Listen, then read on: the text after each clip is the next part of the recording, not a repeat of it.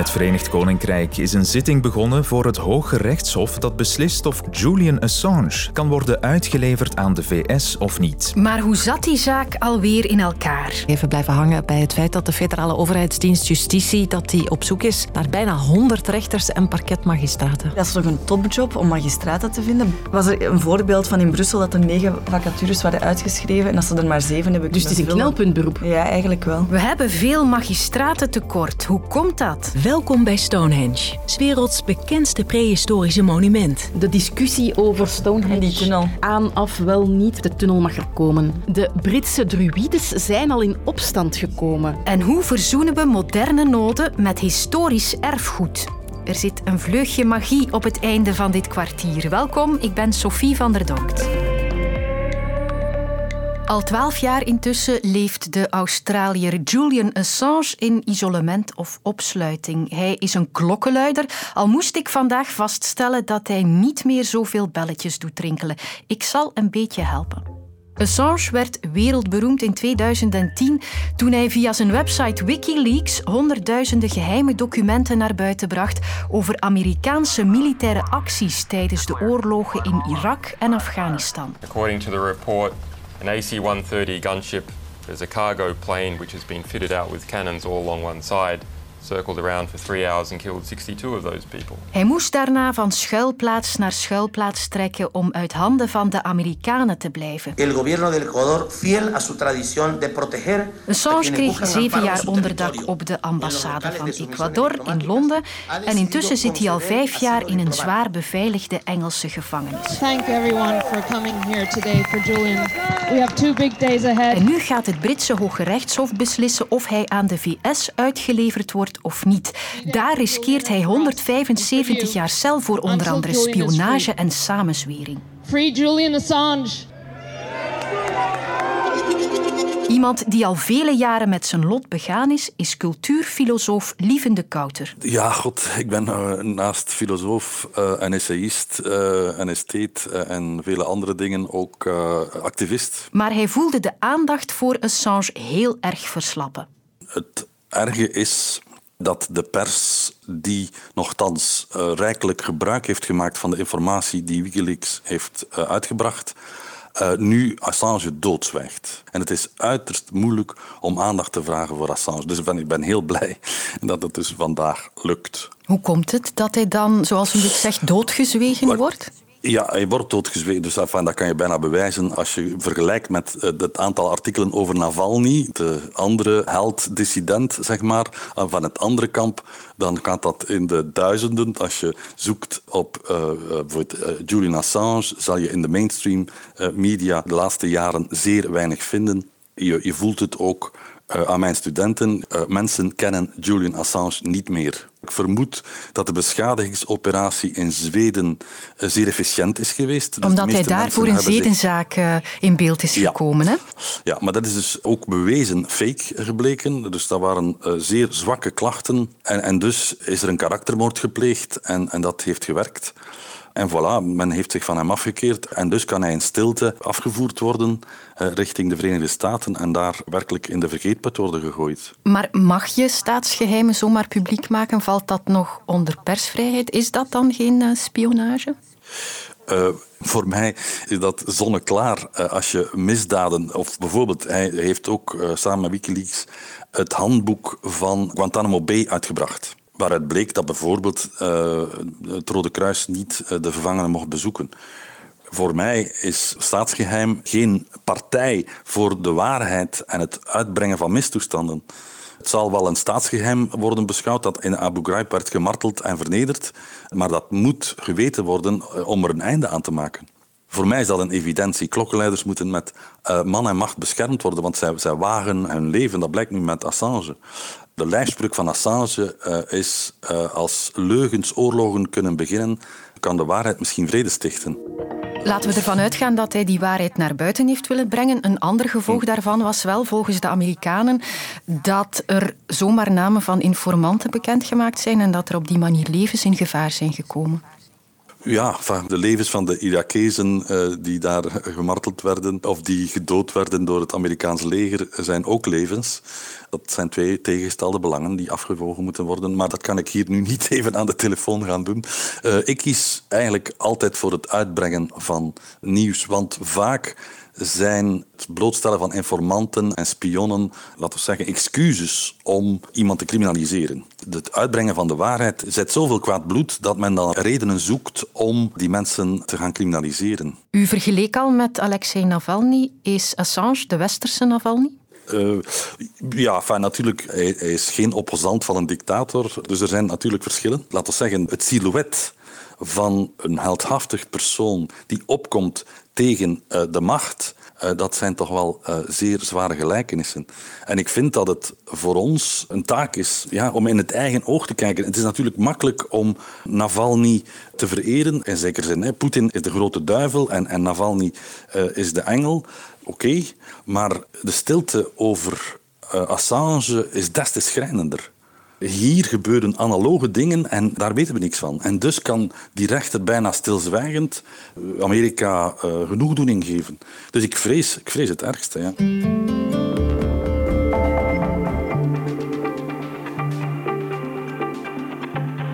Gezocht. Eén rechter in de politierechtbank Vier rechters in, in de substituut gezocht. Eén substituut-procureur des Konings, Eén rechter in de politierechtbank gezocht. Drie rechters in de arbeidsrechtbank. Vijf raadsheren gezocht in het Hof van Gezocht. Twee rechters in de onderneming. We hebben in België een tekort aan magistraten. En onder magistraten moet je verstaan rechters en parketmagistraten.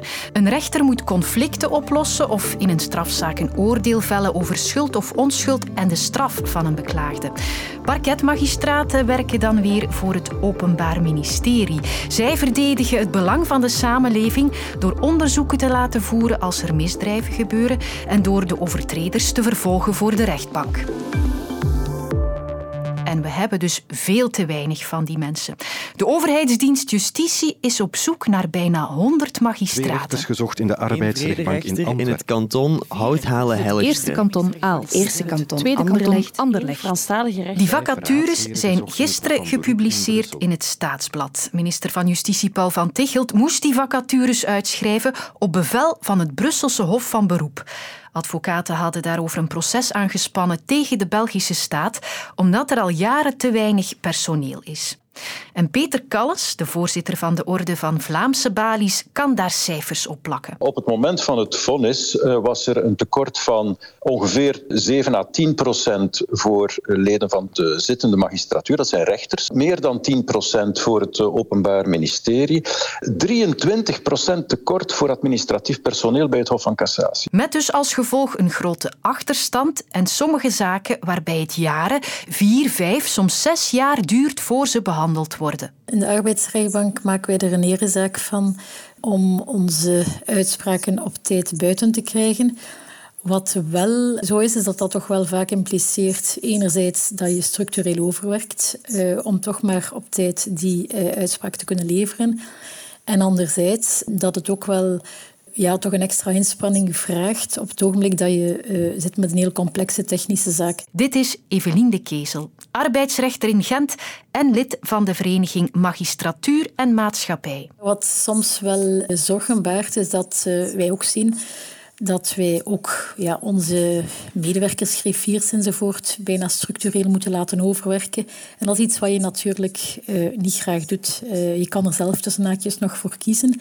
Maar het is inderdaad wel zo dat ja, de organisatie tegenwoordig op te weinig mensen draait. De werkdruk is dus hoog, te hoog.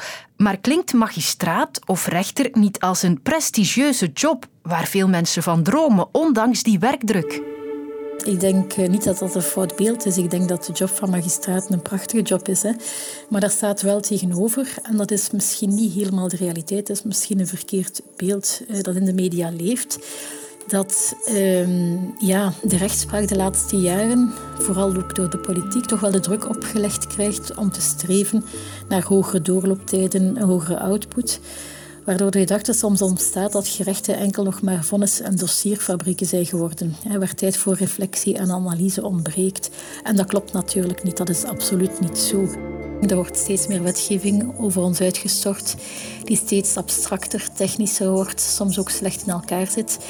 Dat de discussies die voor ons worden gebracht vaak eh, heel complex en gespecialiseerd zijn. Ehm, bovendien is het ook zo dat ehm, het feit dat er niet meer zoveel kandidaten uh, zin hebben om het te doen, misschien ook te maken heeft met het feit dat ja, politici toch zich af en toe laatdunkend uiten over magistraten. Eh, zeker als een uitspraak hun niet aanstaat of als een, aan een uitspraak een bepaald prijskaartje hangt. Eh, en dan wordt eh, de uitspraak van een magistraat afgedaan als ook maar een mening en wellicht nog de verkeerde. Dus ik denk dat dat ook misschien wel wat meespeelt. Dat mensen het idee hebben van ja, ik kan elders mijn maatschappelijke missie als jurist misschien beter vormgeven.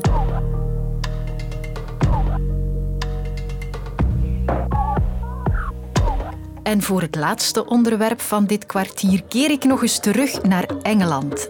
Naar de gigantische stenen cirkel van Stonehenge. Een mythische plek die mensen al duizenden jaren fascineert. Je ziet er toeristen, dagjesmensen, fotografen en ook zelfverklaarde druides en wichelroedelopers op zoek naar spirituele energie. We swear by peace and love to stand heart and hand in hand. Maar het krachtveld rond Stonehenge lijkt deze dagen wat verstoord. Gelukkig lukte het wel nog om een verbinding te leggen naar correspondente Lia van Beckhoven, want zij weet wat er aan de hand is. Nou, het um, Hoge Rechtshof heeft zojuist besloten dat het akkoord gaat met de bouw van een tunnel in de buurt van Stonehenge. En die tunnel is bedoeld om het uh, verkeer wat er nu is, om dat uh, wat uh, te verlichten. Er is een hoop verkeer trouwens en vooral veel opstoppingen. En de regering heeft destijds besloten, we gaan dat allemaal veranderen door een tunnel te bouwen. Heel veel mensen zijn daar tegen, want zeggen ze, er ligt zo ontzettend veel nog begraven in de aarde. De hele mythe rondom Stonehenge. Het antwoord daarop kan best gevonden worden in de grond. En als je nu een tunnel gaat schaven, dan raken we die informatie voor altijd kwijt. Het zal nog wel even duren voordat er met schaafwerk begonnen wordt. Maar het is wel een klap voor degene die zich zo lang, jarenlang verzet hebben tegen de bouw van die tunnel. Historische monumenten verzoenen met hedendaagse infrastructuur. Het blijft een evenwichtsoefening. En deze man heeft er ervaring mee. Ik ben Paul Lambrecht. Ik ben uh, siteontwikkelaar voor Herita. Dat is de National Trust van uh, Vlaanderen. En ik ontwikkel de site van Herkenrode, vlakbij Hasselt. En wie er wel eens voorbij is gereden, die weet dat die pal tegen de E313 ligt. Dus wel een plek die goed zichtbaar is. Hij kan me dus vertellen hoe je omgaat met snelwegen, tunnels en parkeerterreinen in de buurt van erfgoedsites. Het is om te beginnen altijd een probleem, laten we het zo maar formuleren. Dat is bijna onverzoenbaar, omdat je twee dingen in balans moet brengen. Enerzijds de erfgoedwaarden eh, bewaren en doorgeven aan nieuwe generaties. Dat is toch de manier waarop wij proberen om onze geschiedenis eh, recht te doen. En anderzijds zorgen dat het ook door heel veel mensen gezien kan worden. Dus er is vaak heel veel druk op de ruimte rond monumenten of erfgoedsites. En dat maakt het een hele uitdaging. Herkenrode was vroeger een uh, abdijsite van uh, een paar duizend hectare. Maar die is eigenlijk de voorbije 150 jaar compleet ingekapseld door het moderne België. Het kanaal, het Albertkanaal, wat uh, aan de noordkant is gekomen. En aan het zuiden de E313, die letterlijk op ongeveer 250 meter van onze meest westelijke abdij door, uh, door het landschap raast. En mensen zeggen mij letterlijk van ja, als de westenwind uh, hard blaast, kom ik liever niet naar Herkenrode. Want dan hoor je die snelweg voorbij razen. Op sommige dagen trekken wij een paar duizend bezoekers per dag. Dus je hebt een grote parking nodig. Maar die moet je dan best zo groen mogelijk maken. Zorgen dat mensen hun wagen onder een boom kunnen parkeren. Maar ook dat dat blik niet zichtbaar is voor de fietser of wandelaar. Dus je moet telkens naar compromissen zoeken tussen bereikbaarheid en erfgoedwaarde. Die twee eh, moet je proberen te verzoenen. Het is per definitie altijd een verstoring. Hè? Om het heel concreet te maken, de parking ligt op wat vroeger landbouwgrond was, die eeuwenlang bewerkt is door de abdij. Die ben je dus kwijt voor dat soort activiteiten. Maar als je de mensen niet in staat stelt om met droge voet tot in je site te geraken, kan je ook niemand ontvangen. Er is dus altijd een notie van verlies, maar je moet dat verlies proberen te beperken. En bijvoorbeeld, zoals wij hebben gedaan, kiezen voor een parking die op 250 meter van de toegangspoort van de abdij ligt. Dus ook daar moet de bezoeker een compromis sluiten en bereid zijn om een stukje te voet te lopen. En de ideale wereld bestaat niet. Hè. Je, je moet met een stuk geschiedenis rekening houden. En uh, die mobiliteitsgeschiedenis is ook een deel van onze geschiedenis. Je moet ermee dealen, letterlijk. En ook bij het kwartier moeten we elke dag compromissen sluiten om er drie onderwerpen uit te kiezen. Morgen zijn we opnieuw. Ben je fan van podcasts zoals Waar is zuster Gabriel, Onder ons Politiek of Frank en Bilo? Kom dan op zaterdag 9 maart naar het live podcast-event van VRT Max in Lamot in Mechelen en ontdek er deze en vele andere podcasts. Tickets en info op VRT Max.